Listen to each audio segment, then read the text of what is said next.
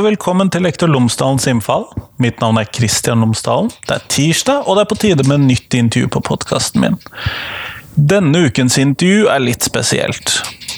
Både fordi at jeg snakker med en god kollega av meg, men eh, kanskje mest fordi at dette er episode nummer 77. Ikke så spesielt i seg selv, jeg innser det.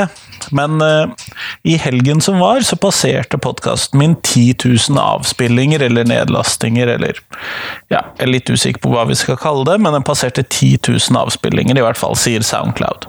Og det er jo en stor dag i seg selv. I tillegg, så med denne episode 77, så passerer podkasten 48 timer med innspilt tid. Med andre ord, man kan faktisk høre på Lektor Lomsdalens innfall to døgn i strekk uten å høre samme episoden to ganger. Det syns jeg er ganske kult. Eh, så derfor er dette ganske stort for min del. Men i hvert fall, episode 77 er da et intervju med eh, min lærerkollega Erik Aarebrot.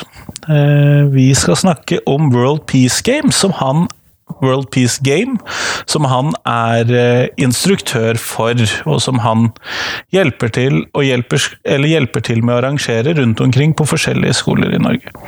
World Peace Game er et uh, opplegg hentet fra Amerika som gir en hva skal vi kalle det, mer praktisk og mer materiell inngang til å forklare en del samfunnsfenomener. Eh, det internasjonale systemet, hva man kan gjøre innad i et land, konflikthåndtering osv. Mye spennende.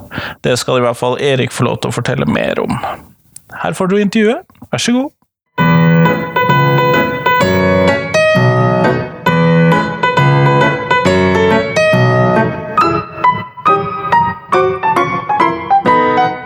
Erik Aarebrot, tusen takk for at du vil komme og prate med meg i dag. Ja, nei, ingen årsak. Det var hyggelig, det. Før vi starter podkasten, kunne du ha fortalt lytterne mine tre ting om deg selv, for de som ikke har hørt om deg før? Ja, det er jo sånn en type spørsmål som uh, egentlig ja, no, Måten jeg begynner å svare på, sier jo kanskje noe om meg sjøl. Uh, eh, tenker for mye på ting av og til. Uh, kanskje en, ting. Men det er sånn typisk spørsmål som er veldig vanskelig å svare på, fordi eh, det avhenger litt av dagsform og uh, i det hele tatt. Nå ser jeg ut på grå himmel, men opplett i Bergen. Merker at jeg uh, savner uh, blå himmel og lett bris, så jeg kan dra ut med seilbåten min. Um, ellers vil jeg vel karakterisere meg som en spillnerd. Um, det er jo mer av glede. Spilt spill med familien siden, siden ja, så lenge jeg kan huske, eh, egentlig. Alt fra ludo og opp til advanced squad leader. Og uh, for de som vet hva det er, så uh, er de spillnerder, de òg, så hei, hei. Og så, ja jeg var kanskje litt sånn uh, kronisk nysgjerrig. Uh, både på godt og vondt. Mest på godt, litt på vondt. Uh, mest på godt fordi at det gir meg mye muligheter til å prøve å sette meg inn i nye ting. Litt på vondt fordi at døgnet har bare 24 timer. Så ja. Jeg har, har merket det, jeg òg. så det er vel sånn tre ting, da. Uh, om du vil. Det finnes sikkert uh, et annet utvalg av tre ting det går an å hente ut, men uh, la oss nå bare begynne der, da. Vi begynner der. Vi begynner der. Og grunnen til at jeg har invitert deg til å snakke med meg, er jo fordi at du driver med World Peace Game. Det er korrekt. Kunne du fortelle meg, hva er det? World Peace Game er et læringsverktøy som ble utviklet av en amerikansk lærer som heter John Hunter. Um, som er en slags systematisk kaosmaskin. Eh, det høres eh, veldig uh, rart ut. Jeg skal prøve å forklare hva det går i. Um, jeg har hatt gleden av å, å jobbe litt med, med, John, både gjennom Bergen internasjonale filmfestival. Det kom ut en, en liten dokumentar om han, uh, sånn times dokumentar om han for uh, elleve uh, år siden, tror jeg. Um, og da var han i, i Bergen og, og forklarte litt om, uh, om tingene han holdt på med. Um, han um, har egentlig prøvd å forklare politikk til uh, fjerdeklassinger. Um, det kan jo være en utfordring i seg selv. Ja, det, det er jo er, han, er en, han er en eh, meget dyktig pedagog, så jeg, jeg tror at han har greid det også i de tidlige forsøkene. Men det han opplevde, var jo at det var en avstand i det som ble forklart, og uh, elevenes kapasitet til å ta det inn over seg, da, hvis du skal være litt sånn teoretisk. Ja, for det blir jo veldig abstrakt. Det blir veldig fort abstrakt, i hvert fall hvis du beveger deg over i et nivå der du snakker om politiske prosesser og utvikling av politikk. Og sånn. det, det, det, er mange nivåer på uh, undervisningen der som, som uh, kan virke fremmedgjørende. Virker jo fremmedgjørende på, på, voksne mennesker også, så det er jo helt naturlig. Men han fant noe ut at han ville prøve å gjøre noe praktisk ut av det det. Um, og um,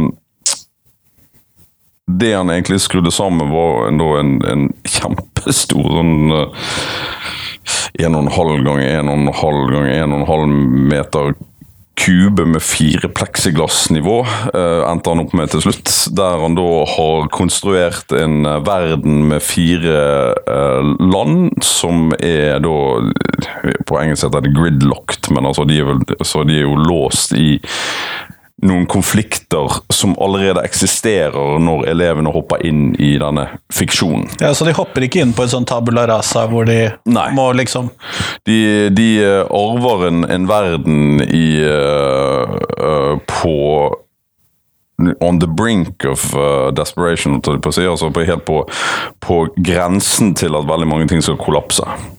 Uh, Hørtes kjent ut. Ja, det er jo altså dette, Det er jo interessant at han har begynt med dette her uh, på, på 70-tallet, og han er veldig glad i det uh, analoge perspektivet her. Kan komme tilbake til det litt seinere. men ideen her er jo da på en måte å, å kaste de ut i et kaos. Men det gjør han med en veldig sånn varme og tillit til at de skal kunne greie å ordne opp i det. Um, og sånn sett blir jo dette da uh, et spill der reglene er satt, men alle regler kan endres på og alle, eh, alle, ting kan prøves ut og uh, gjøres. Han har på en måte tre sånne kontrollspørsmål. altså uh, Kan du takle konsekvensene av handlingene dine? Kan du betale for det? Og er det realistisk?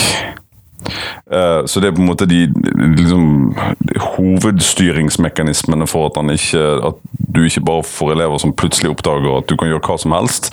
Uh, Soldatene mine kan fly av seg selv? Ja, eller vi har en teleporter, og vi kan uh, vi, kan, vi beamer inn aliens fra outer space som gir oss ny teknologi. Altså, alle de tingene der ligger jo mer eller mindre latent i, i barn i den alderen der. Det er jo en voldsom kreativ overflod som uh, ikke er begrenset av måte, vår voksne verdens skjemaer der man ser hvordan ting har skjedd før, og man har opparbeidet seg noen erfaringer som både på godt og vondt uh, gjør at man blir litt mindre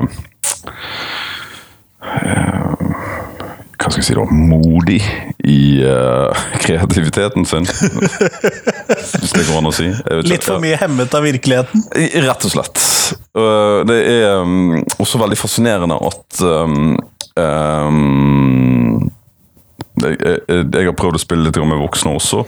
Det er veldig forskjellige dynamikker i forskjellige aldersgrupper. Så nå har jeg spilt med ja, da med tiåringer, med, med ungdomsskoleelever, med videregående elever og med, med voksne. Uh, og du ser jo veldig tydelige forskjeller på måten de agerer med fiksjonen på. Uh, det handler jo litt om presentasjon, det handler litt om aldersgruppe. Uh, Tiåringene er veldig mye mer umiddelbare. altså Du trenger liksom ikke å forklare uh, Du trenger ikke å si sånne ting som 'go with the flow' og akseptere denne fiksjonen, som er gjerne litt sånn støttesetninger som kan være bra for voksne å ha med. altså nå har De jeg har spilt med, har vært eh, pedagoger og eh, folk som har vært positivt innstilt til å være i rommet. Da er det selvfølgelig enklere å få de til å, uh, å være kreative og hoppe på fiksjonen i spillet. Men vi voksne kan vel kanskje lettere ha en litt hva skal vi kalle det, ironisk distanse eller metadistanse til dette? Ja, de liker bedre metadistanse enn ironisk. For ironisk går an å, å å designe vekk. altså At du på en måte sier at dette spillet har den, den hensikten vi prøver ut dette her. Da forsvinner veldig mye av ironien. Men veldig mange voksne har jo nettopp den metadistansen. At du, du, trekker deg tilbake litt i situasjonen, analyserer hva har jeg lyst til å få til. Uh, så det blir en annen måte å spille den typen kreative spill på. Uh, å kalle det et spill er jo også i og for seg å ta det litt langt. For det indikerer jo at det er noe som er mulig å vinne. du kan løse dette spillet, men det er ikke akkurat altså, eller, ja, Jeg tror tiåringen opplever veldig sterkt at de vinner spillet. Uh, mens voksne er mer sånn Å ja, greit, da løste vi det. det. Så, ja. Men hva er målet? Sånn i spillet? Så kan vi ta målet med spillet etterpå? Ja, nå, eh, nå, stiller du meg spørsmål uh, som om du var rektor et eller annet sted. Eller noen som driver med læreplan. det er veldig mange mål i et sånt spill som dette her. Men det som er forferdelig vanskelig med et sånt Eller forferdelig vanskelig, sier jeg. Det er helt umulig. Å forutse Det er jo hvilke ting som blir de uh, som spillerne henger seg opp i. Jeg, skal, jeg, kan prøve å forklare med et eksempel, for det, det høres litt sånn vagt og, og distansert ut. hører jeg nå. Men um, uh, et av de første spillene jeg gjorde med videregående uh, elever her, så ble Verdensbanken som i innspilldynamikken for Verdensbanken er litt sånn regnskapsføring, men også på en måte en sånn transaksjonssentral, at alt liksom godkjennes. Eh, så ble de eh, helt instrumentell for at de skulle greie å løse, eh, løse spillet. Og det handlet om at det rett og slett var noen som prøvde å kjøpe spillet. Med liksom in game eh, penger. Og på en måte bare legge under seg alle de andre landene. Og Da ble jo det da dette andre spørsmålet som, som John bruker, ikke sant? så kan jo få it, har du råd til det? Ble jo da helt sentralt for om spillet ble løst på den ene eller den andre måten. Uh, og Det ble en veldig fascinerende situasjon der de da ikke hadde nok penger til å gjøre det de hadde tenkt å gjøre. og De hadde allerede gått ut og sagt at det var det de ville gjøre. Og så sier de uh, Forsvarsministeren sa noe sånt Ja, men da pantsetter vi noen av flyene. Hvorpå da spørsmålet er hvem av disse andre tre landene du har tenkt å invadere, har du tenkt å pansette flyene dine til? Så da, og, da ble, altså, og det er jo da sånn skal vi si sånn eh, øyeblikk som det er helt umulig å planlegge for, men som blir helt sånn Det blir utrolig masse uh, dynamikk i spillet, men det blir også veldig mye å hente fram pedagogisk i etterkant. Uh, for du kan da liksom diskutere alt fra forhandlingsstrategi til eh, våpenhandel til internasjonalt diplomati med bakgrunn i den situasjonen. Så kan jeg ta et annet eksempel for, igjen, for å illustrere hvor Som i og for seg også hadde med finanser, men da var ikke det uh, Verdensbanken som ble sentral, da var det uh, domstolen som ble, ble sentral. Um, fordi um, uh, da oppdaget plutselig Verdensbanken at det var kommet inn en, en sjekk som de ikke hadde godkjent.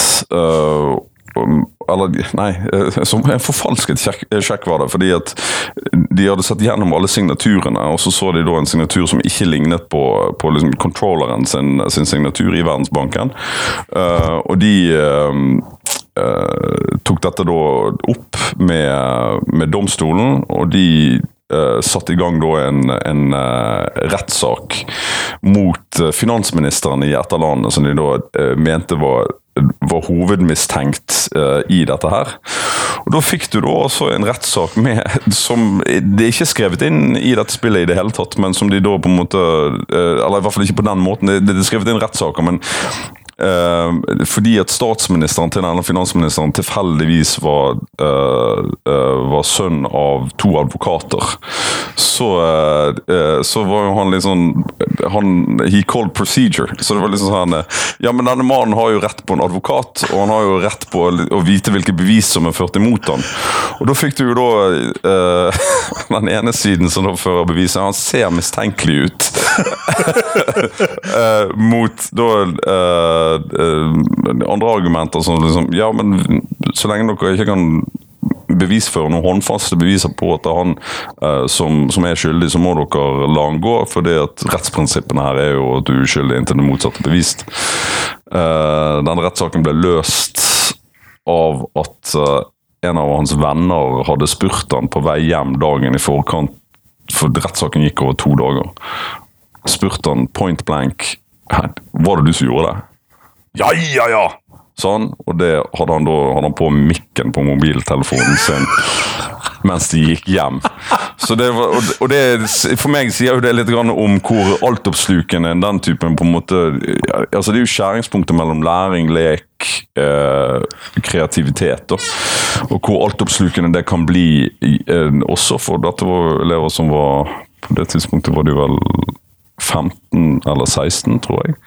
Uh, så selv for liksom ganske voksne elever uh, er det en funksjon eller en, arbeidsmetodikk som er veldig oppslukende. Men som pedagog så kunne jo ikke jeg ha designet eller håpt for, eller i det hele tatt ha tenkt ut noen av de to situasjonene. Uh, og da snur det jo på en måte litt uh, spørsmålet litt på hodet, da. Uh, hva får de ut av dette? Ja, det, det, det, vet jeg ikke.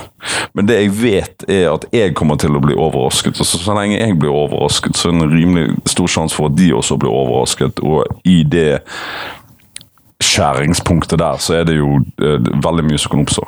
Så er jo selvfølgelig en del av konfliktene som er i spillet, er jo designet etter en, en virkelige verden. Du har på en måte Nord-Korea en problemstilling, uh, flyktningkrise en problemstilling, um, vannrettigheter en problemstilling. Så alle disse alle disse sånn En del sånne dagsaktuelle temaer er bygget inn i ja. spillet. Og de lar seg endre på, tweake. Tror eh, vel det er 21. versjon av krisehåndboken som, eh, som er i omløp nå. Uh, sånn at den blir jevnlig oppdatert med hva er det vi driver og fucker opp i verden nå? Ja, altså Det er ikke sånn Den blir ja. Ja er svaret, men med noen forbehold. det er begynner på en veldig lang setning, men, men, men John jobber jo med dette her uh, til dagen. Men, men, det er klart at uh, det går an å gjøre noen lokale uh, lokale endringer som jeg, jeg, av og til har gjort. Nå skal jeg være litt sånn forsiktig i og med at det, akkurat som selve World Peace Game er en copyrighted uh, sak der man bruker det siste krisedokumentet ligger mer enn nok på en måte kreativ frihet i hvordan du administrerer spillet, for å si det sånn. Kunne vi ha puttet inn Alta-vassdraget inn i dette her? En gang til? Kunne vi puttet inn Alta-saken inn i det? Den, ja. Øh, den ligger til en viss grad der allerede. Uh, men ja. Eh, helt klart. Eh, Nå tenkte jeg plutselig sånn kompetansemål i samfunnsfag. Jeg sånn. jo da, og der, eh, jeg har jo liksom sittet og tenkt litt på, eh, på det sjøl òg når, når, jeg gjør tingene. Det jeg opplever som spilleder, er at det ikke alltid er så matnyttig å ha kompetansemålene for tydelig for seg i hodet. Fordi det Eh, altså, det er litt sånn at du kanskje litt sånn uh, under radaren prøver å påvirke de i en eller annen form for løsning. Jeg syns de beste spillene når jeg virkelig greier å trekke meg tilbake og bare la det som skjer, skjer. Og så behandle det i ettertid i samtalene og oppleggene ja. Altså, og Da er det jo alt fra på en måte eh, vonde, vanskelige avgjørelser. John er, Det går veldig klart fram i den dokumentaren om John at han på en måte Uh, altså Han lar elevene krangle. Han lar de begynne å gråte. Uh, han lar de på en måte kjenne på de der uh, harde, vonde følelsene i fiksjonen. Så er jo han der som en voksenstøtte. altså Som omsorgsperson mer enn en lærer. Men han er jo også veldig bevisst på at det er en del av verden. Uh, å ha sinne og tristhet og frustrasjon uh, i seg, og lar elevene gå liksom inn i det rommet. Uh, veldig teoretisk sagt, men altså, ja. De krangler så pusten fyker. De gråter, de skriker, men de ler og klemmer og får jo liksom da også en enda høyere følelse av å ha kommet igjennom noe, da. Uh, jo faktisk En interessant mekanikk som man har, som man har lagt inn en sånn spillteknisk, er at han i noen spill den skolen han jobbet på tidligere, så ble jo dette spillet en, en snakkis blant elevene. Altså det var noe de gledet seg til de kom til, til, til fjerde klasse. Uh, men det ble også en viss sånn konkurranse klassene imellom. Så da ble det sånn Ja, vi skal greie å løse det så raskt som mulig. ikke sant? Da, og, da kom jo på en måte utenomverdenen inn og spiste litt i spilldynamikken. Så plutselig opplever han at Oi, der var spillet ferdig! Fordi de bare uh, Så det han la inn, var jo en, uh, en sabotør. Uh, som da en Han kaller det for agent of confusion. Um, som da var én elev i spillet, som har en rolle i spillet, men som i tillegg har et sånn sidebudsjett som egentlig bare å skape hackan og faenskap. typ jeg sprenger en bombe i den hovedstaden, jeg kidnapper noen tropper altså, og liksom Hemmelige lapper, sende meldinger uh, til John, da, som han da effektuerer. og som liksom On behalf of an uh, unknown entity, uh, I'm instructed to place disse leiesoldatene på, på, brettet her og her. Og Det er jo helt fantastisk å se når det skjer, for det er, altså, de bare sånn ah, Hvorfor er det noen som ikke har lyst til å vinne spillet?! blir det, blir det veldig sånn Ja, det er jo utrolig fin liten mekanisme for å sørge for at uh, de ikke bare går happy eller bare liksom sånn lykkeløser uh, alle problemstillingene fordi at de jobber bra sammen. Jeg kjenner jo igjen den fra rollespill eller fra Risk, for å, for å ta et spill som mange har spilt, mm. hvor plutselig et eller annet endrer seg. Oi, min langsiktige plan gikk rett vest. Det, jeg vet i hvert fall Innenfor levende rollespill blant voksne så det, har det jo vært en veldig uh, Uten at jeg kjenner den kjempeintimt, men det har i hvert fall vært en diskusjon om dette med play to lose uh, som, som, et konsept. Uh, som jeg tror også jeg si, er en konsekvens av denne hack and slash-diskusjonen som man har hatt rundt ADND. Altså man lager en story arc der spillerne er helt hele tiden overvinner ting. og så blir det litt sånn, Men det blir litt kjedelig i, eh, i lengden. Men at man har da eh, etter hvert, liksom, Når du har kommet over denne heltefasen, så er det veldig mange spillere som opplever at det, det å spille underdogen, det å uh, ikke få til allting, gir vel så mye interessant spill som det å være superhelten. Um, i Kutulu gå ut som mest mulig gal, f.eks.? For eksempel. Uten, men ikke det at du nødvendigvis skal premiere å gjøre det, men at du har på en måte et bevisst forhold til um, å heller skape interessante situasjoner enn å vinne. Um, vil jo selvfølgelig, altså, Tiåringer har jo ikke et forhold til den typen uh, ting i det hele tatt. Uh, men det er det jeg mener er forsen til voksne. da, altså Hvis du greier å instruere de uh, godt i et sånt spill som dette her, så har de muligheten til å leve seg inn i roller. Få de tydelige roller i, i et spill, så kan du også på en måte, ja, men du er forsvarsminister i dette landet. og Eh, du er jo også en del av den minoriteten. Eh, og de har en annen agenda enn din statsminister. Hva gjør du med det? Eh, som er jo genuint interessante problemstillinger. Og reelle problemstillinger. Og reelle problemstillinger. Libanon, f.eks. Det, igjen, det, det er sånne ting som, som tiåringer og 15-åringer ikke har et aktivt forhold til. men jeg opplever altså Hvis du tenker dette spillet inn for, for noen tiåringer, så er det en byggekloss som de kan bygge videre på. Men allerede hos 15-åringene så ligger, jo, uh, ligger, det jo en helt enorm resonans i etterarbeidet. Altså at du kan jobbe da med en rettssak og si liksom, ja, det var noen som sa at han så mistenkelig ut. Er det et fair bevis å legge til grunn? Er det sånn at vi skal fengsle alle som ser mistenkelige ut? Alle med st stort skjegg?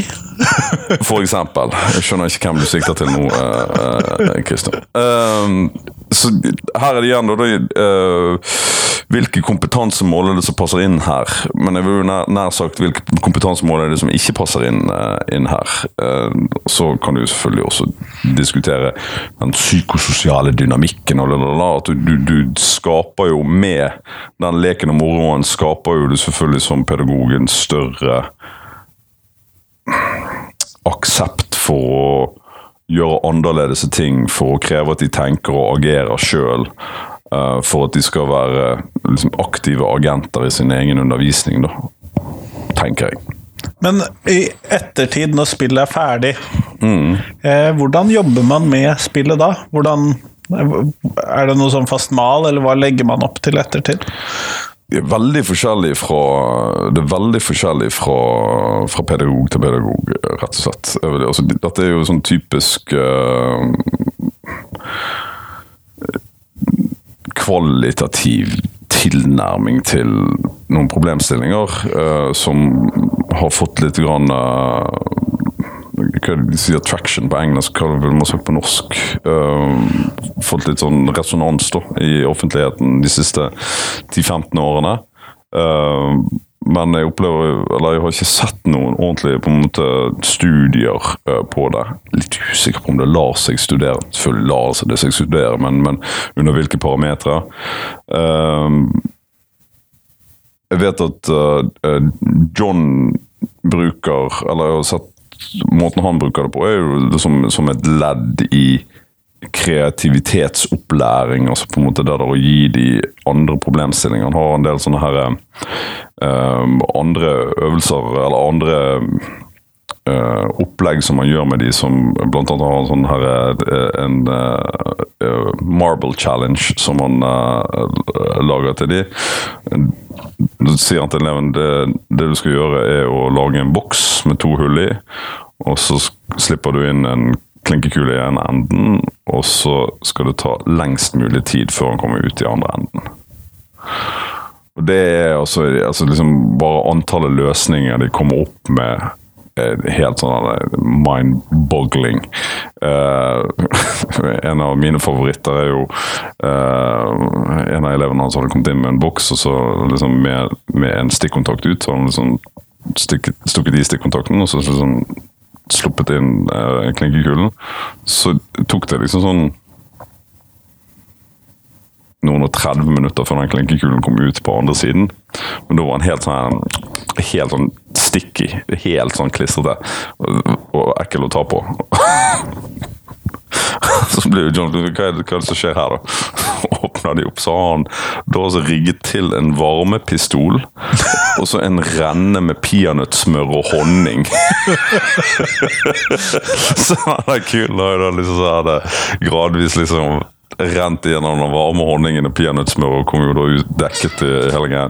Uh, veldig vanskelig å instruere folk til å gjøre det, men det er selvfølgelig også gøy. Men så er det da folk som kommer inn og har tatt uh, to mekaniske klokker ikke sant? og satt, satt oppå hverandre, sånn at kulen følger uh, langviseren, dropper ned i et hull, følger langviseren på neste år, bruker 24 timer på å komme ut. så er det jo så alle, alle de er tradisjonelle. Men han gjør jo da også øvelser med liksom, hvordan uh, uh, lag, lag, en installasjon som, uh, som viser hva stillhet er. Som er jo også sånn her Så Han driver en del med forskjellige typer sånne kreative undervisningsopplegg, med andre ord. Ja. Og det passer jo selvfølgelig utrolig bra på, på, på barneskole, og, og, de tar jo Altså det blir jo en klassedynamikk og, og på en måte sånn et utløp uh, for en del ting som, som uh, funker veldig bra inn i uh, inn i den aldersgruppen. Men når det gjelder rollespill eller spill eller på en måte fiksjonelle saker, så mener jeg jo at det nest helt ubegrenset hvilke kompetansemål, hvilke ting man kan trekke ut av den typen spill. Uh, altså bare det, Jeg hadde en situasjon med videregående klasse for, for litt siden der altså, Vi snakker om den eneveldige kongen. Uh, og så Bare det å gi den rollen som eneveldig konge. Bare si nå i dag er du eneveldig konge. Det betyr at du kan få lov til å sitte der, og så skal noen andre komme og uh, servere lunsj til deg. Du får bestemme når friminuttene er. Uh, altså altså, Bare den psykososiale dynamikken eh, er jo i seg sjøl interessant å undervise på.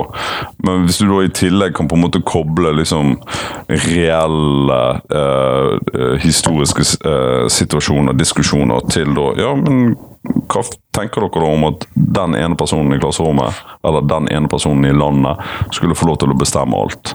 Det blir på en måte diskusjonen om folkesuverenitet konkretisert og aktuell på en annen måte. Eh, ja, for Det er jo ikke akkurat som om noen av elevene har opplevd eneveldige konger. Nettopp. De har kanskje eh, opplevd det de tenker er urettferdig, eller at det på en måte uh, jeg for min del synes det er veldig interessant å høre på hvordan elever snakker om menneskerettigheter som noe som alltid har vært der og alltid kommer til å være der. Uh, mens jeg er jo opptatt av å vise det i den historiske konteksten også med at det er tross alt et ganske nytt konsept, og det er noe vi er blitt enige om. Så da må vi fortsette å være enige om det hvis det skal fortsette å være, øh, være uh, en størrelse, størrelse, i livene våre. Det, den, det kan også illustreres med jeg hadde en, en, gruppe som jeg ga Men øh, ok, vi skal lage et undervisningsopplegg uh, på Eh, utenrikspolitikk. Og Da kom de med dette nord-sør-spillet som de hadde lest om. og Da gjorde jeg hele det undervisningsopplegget sjøl. Men da er det jo igjen, da kan du liksom på en måte uh, snakke om både måte, ressurstilfang og uh, urettferdigheten i fordeling, men også De ga en instruks midt, midtveis i spillet om at ja, det er forresten ok å stjele ting. Som er jo sånn Å ja, der, der, kom den liksom seilende på en fjøl forbi. og så, så, Da blir jo det et poeng å diskutere i etterkant. Ja, Er det ok å stjele ting? Og hva skjer i rommet? Sånn som Du kan ta det helt fra liksom, mikroen til hva skjer i rommet når noen får en instruks om at det er ok å stjele ting, til makropolitisk ville USA ha syntes det var ok om Zimbabwe kom og, kom og stjal noen fabrikker? Liksom. Altså, det, så det er både liksom det absurde og det fine og det umiddelbare da, som jeg tenker er en fin men, ting. Men er det en sånn type regelendring eller regeltilfang som plutselig kan dukke opp da under World Peace Game, eller er det noe som er litt fremmed for den dynamikken der? Um, jeg kan jo uh, ta et veldig konkret eksempel for World Peace Game, da, som uh, jeg syns uh, illustrerer litt av liksom, på en måte denne fordi Det er jo veldig mange problemstillinger de aldri har verken vært eksponert for eller tenkt på. eller liksom, Det er et vulkanutbrudd som er en av krisene som, som skjer i det ene landet. Um, og i det landet så ligger veldig mye av industrien i nærheten av, av vulkanen. Um, og så får de på en måte to spilldager uh, til å ta noen avgjørelser. Enten evakuere uh, fabrikkene og, og, og, menneskene og liksom med en kostnad. Uh, dette er et land som har veldig lite penger, så det er liksom ikke bare helt straightforward å, å, å gjøre det. Så kommer da statsministeren til meg som spilleder og så sier ja, men kan vi bygge en, en, en, renne og en mur, så vi kan styre lavaen unna uh, liksom ned mot sjøen istedenfor inn mot fabrikken? Og så blir det sånn uh, Gjennom dette Det opplever jeg i hvert fall som er den store forskjellen fra på en måte tradisjonell undervisning til den typen undervisning. er jo at Da er spillet sånn designet at det er ikke en avgjørelse jeg skal ta. For da blir det mitt spill. Så dermed har man en, en, en, eh, det som kalles en værgud, da, som er en nøytralitetsadvokat uh, i, i, spillet. Så det sier liksom Ja, har du, uh, har du råd til det? Kan du takle konsekvensene? Og er det realistisk? Og Det siste spørsmålet er det værguden som må ta, ta, stilling til. Så går de da til værguden og så spør de liksom, ja, er det, er det liksom er det realistisk? Og så sier værguden ja, det er det. Um, koster 400 millioner. Uh, dere kan gjøre det i løpet av en dag hvis dere bruker Dette er dyrt, og det må bygges fort, men jo jo, kom igjen! Nettopp. uh, men så er det liksom andre ting som Du har sånn, et scenario med en dødssatellitt uh, som er i outer space, og man da liksom hele tiden liksom spør værguden om ja, men hvordan går det med den teknologien, kan vi endre det på den måten? Og så er det liksom yeah or nay. Uh, men det er da gjort in game, istedenfor at jeg som pedagog kommer inn og sier nei, men det der er ikke så lurt. Uh, for da fratar jo de egentlig sjansen til å feile, men også fratar de sjansen til å lykkes. Men sånn at det er en del sånne vurderinger, sånn realistiske voksenvurderinger, da, som de må gjøre? Ja. Hvis vi skal kalle det voksenvurderinger. Og det er realistiske voksenvurderinger jeg må la være å gjøre. Sant? Altså, uh, det er hardt. det er hardt. Det, det, er veldig interessant, det snakker John òg om, at uh, og det kan du egentlig det er ikke unikt for World Peace Game. Det kan du nesten se i en hvilken som helst eh, som på en måte spill, rollespill, fiksjonsarbeid. er jo at du som instruktør har, er veldig på banen i begynnelsen for å sette grunnreglene eller liksom på en måte rammene for hva man holder på med. Og Hvis det er vellykket, så snakker du mindre og mindre i løpet av uh, gjennomføringsperioden. Fordi at er du tydelig nok med hva som er premissene for, uh, for det du holder på med, så autoorganiserer uh, deltakerne seg. Men, for du har nevnt to dager et par ganger. Men Er det to dager det tar å spille et World oh, ja, Nei, um, sånn som det har blitt gjort nå, uh, nå, i de siste årene, så er det fem dager, altså fem halve dager. Um, og Da uh, spiller elevene fra, ni 9 til 12, og så uh, går de og gjør andre ting, og så kommer de tilbake på morgenkvisten og spiller ni til Så cirka det. Men det lar seg også Men her er det, det er jo en viktig forskjell mellom det amerikanske skolesystemet og det norske skolesystemet. John eier jo, i hermetegn, klassen klasserommet sitt, så han kan la spillet stå. Ja, det jeg ser at det er en fordel. Ja. det er en stor fysisk installasjon. Yes. Så har han en, en, liksom en krok som han, han har hjul på, det, så han kan liksom rulle, rulle det inn. Da har han spilt uh, for én klasse én eller to timer i uken over to-tre måneder. Uh, og så det, det, liksom en, en, det blir som en Sånn all undervisningen i faget bygges rundt det, rett og slett? Nei. Okay. Nei det... det hørtes sånn ut. Nei, spillet i seg sjøl er helt fristilt i det han har gjort der, da. Um, og det, dette er jo på en måte I hvert fall i møte med, med skoleadministrator er det jo det som er, er på en måte uh, the leap of faith. Hva blir det på norsk? Tillitshoppet? Ja. Uh, er det lov å si? Jeg vet ikke. Uh, det er det som blir på en måte det kritiske elementet, da, fordi den norske skoledagen er ganske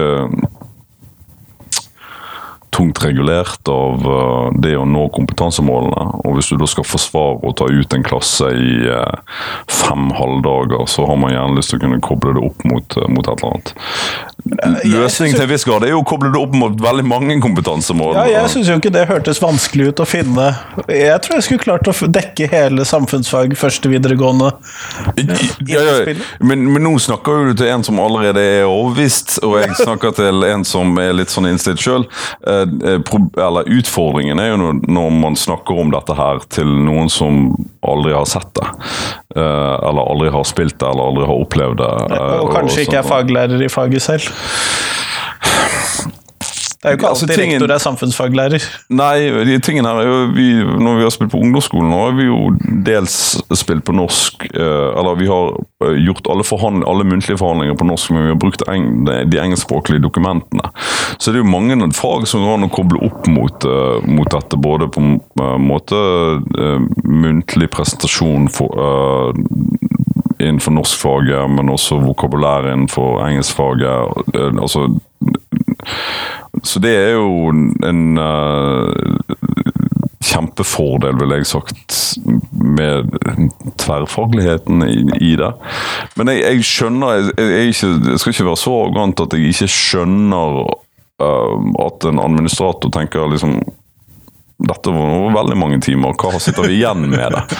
Uh, og Det er nok litt vanskelig å kvantifisere, da, kan du si. Uh, altså, det, det, er vanskelig å sette, sette liksom, dette fører til A, B, C og D. To streker under svaret. Ferdig arbeid.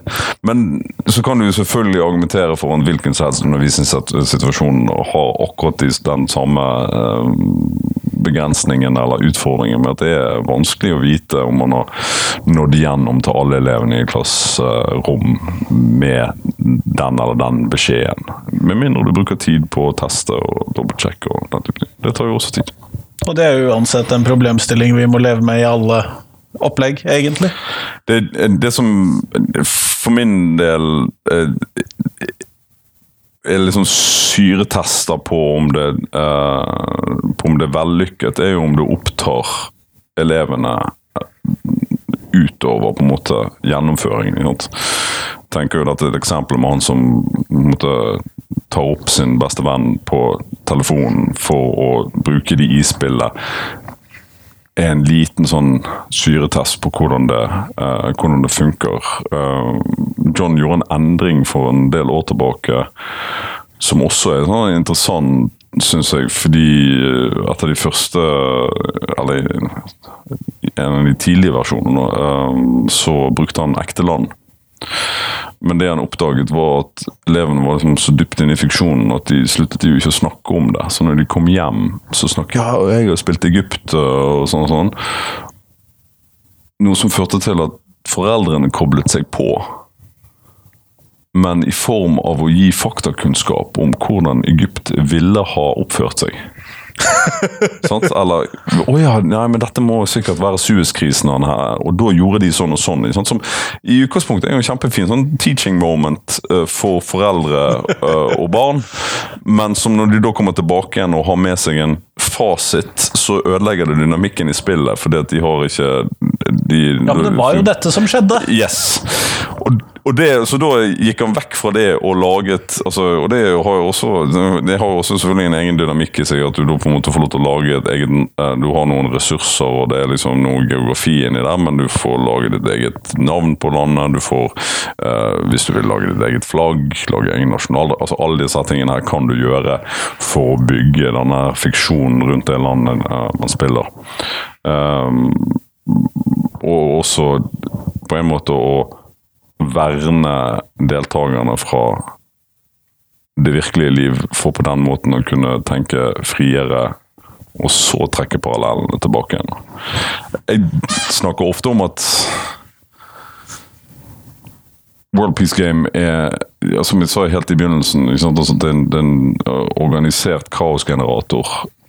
Men det er også en knaggegenerator. Altså, du skaper veldig masse forhandlingssituasjoner om problemstillinger som gir deg muligheter til å koble utrolig mye forskjellige kompetansemål på det de faktisk har gjennomført i spillet. Husker dere da når dere spilte, så skjedde det? Nettopp. Ser dere sammenhengen her? Nettopp.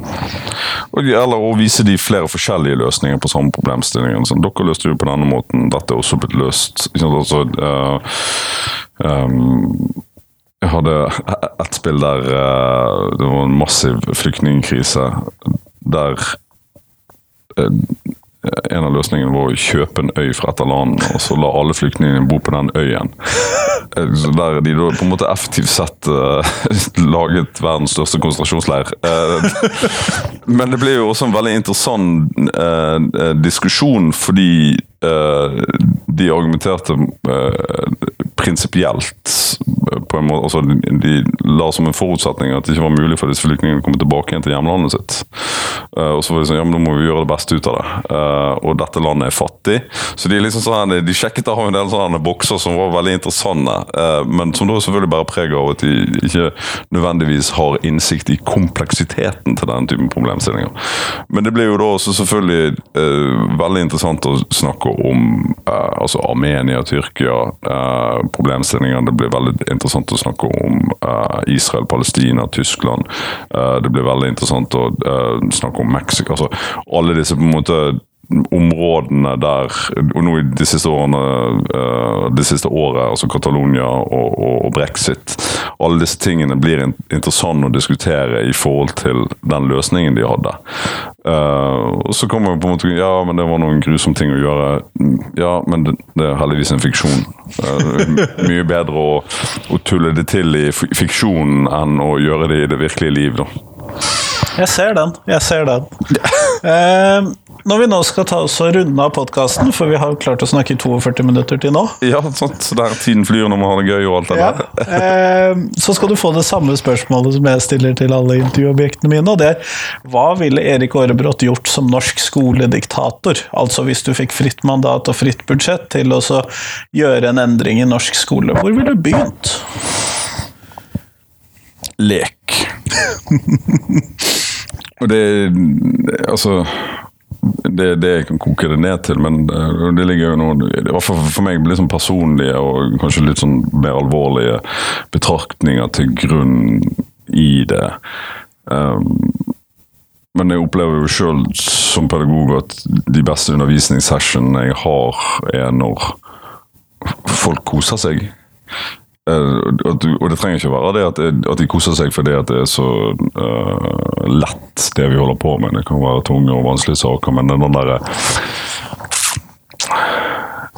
og det trenger ikke å være at man leker mens man holder på med det heller, men, men, men uh, den lysten til nysgjerrighet tror jeg kommer veldig mye gjennom lek, og er et undervurdert element for også voksne. Altså, det blir veldig, veldig ofte et en sånn alvorlig undertone i det man holder på med. Nå må dere huske på dette er veldig viktig, dette er veldig viktig, dette kan dere få på eksamen. At, og, og det, også i arbeidslivet.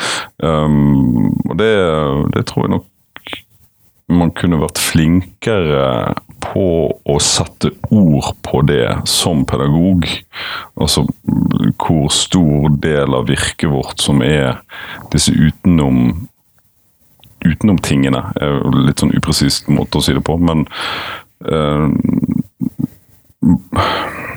jeg, jeg, har jobbet en del i, i Nordsjøen, og der snakker vi ofte om at uh, folk som har mistet et nært familiemedlem eller har vunnet to millioner i Lotto, er like farlige. Uh, fordi at de ikke er fokusert lenger. Uh, de, de, tenker på andre ting.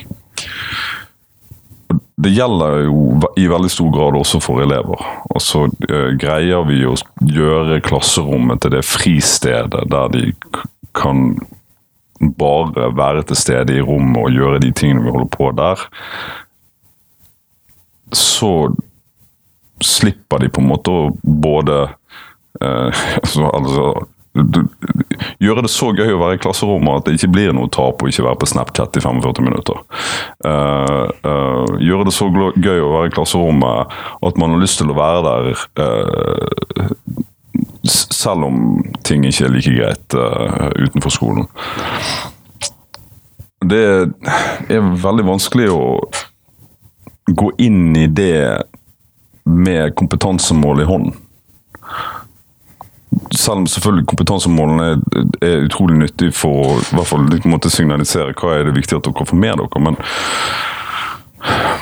det å Vi savner jo det også litt sånn i, i diskusjonen rundt fraværsgrenser og uh, ser på en måte eh, elever som det gjelder å rapportere med at det, eh, stressnivået blant elever eh, nå er mye høyere enn det bare var for ti år siden. Som selvfølgelig er en utrolig komplisert uh, årsakssammenhenger. Men, men ja, så så kan vi selvfølgelig sikkert bruke 42 minutter til for å prøve å identifisere hva denne leken skal være for noe. Uh, og det er jo uh, Det er selvfølgelig sånn én millioner kroners eh, spørsmål som også må løses av hver enkelt, uh, hver enkelt pedagog i, med sin klasse, med, med sine forutsetninger. men det kan godt være at lærere også skal leke litt mer. Nettopp for å få en eksponering for ja, hva, hva innebærer dette, hva kan vi vinne, hva taper vi? Altså, ja, den type ting. Så forferdelig vagt, kanskje. Mer lek i skolen og mer skape lyst til å være der og et fristed, da. er jo det jeg hører. Ja da, jeg, og, og jeg, jeg, jeg, innser jo at bare slenge ut begrepet lek er en, en vel, kanskje litt sånn lettvint eh, måte å gjøre det på. eh, fordi da det er ikke en stram definisjon av hva jeg har lyst til å, å få til som diktator. Men når man nå en gang er diktator, så kan man jo klappe litt i hendene og få folk til å effektuere. Make it happen. Make it happen. Uh, så det er jo det, på en måte den deilige siden av å være diktator, da. Uh, det, eller eneveldig konge, om du vil. Som vi allerede har snakket om. Eh, ja. Så får noen andre profesjonalisere det. Jo da, jeg, jeg- jeg tror jeg vet ganske, uh, ganske godt hva jeg sjøl har lyst til å gjøre, gjøre med det. Men det handler jo selvfølgelig også litt om å ha tid og ressurser til, til det. Uh, at det blir så kan jo, ja, Dette er selvfølgelig ting som kan misbrukes, både opp og ned og i mente. Men, men her må man jo som skole og som enkeltpedagog diskutere eh, hvorfor gjør vi dette her. Jeg har eh, ganske stor tro på at lykkelige arbeidstakere bidrar med både mer kreativitet, mer innsats og mer sjel i det de holder på med. Det tror jeg gjelder eh, elever også. Kjempeflott. Tusen takk for at jeg fikk prate med deg. Ingen årsak.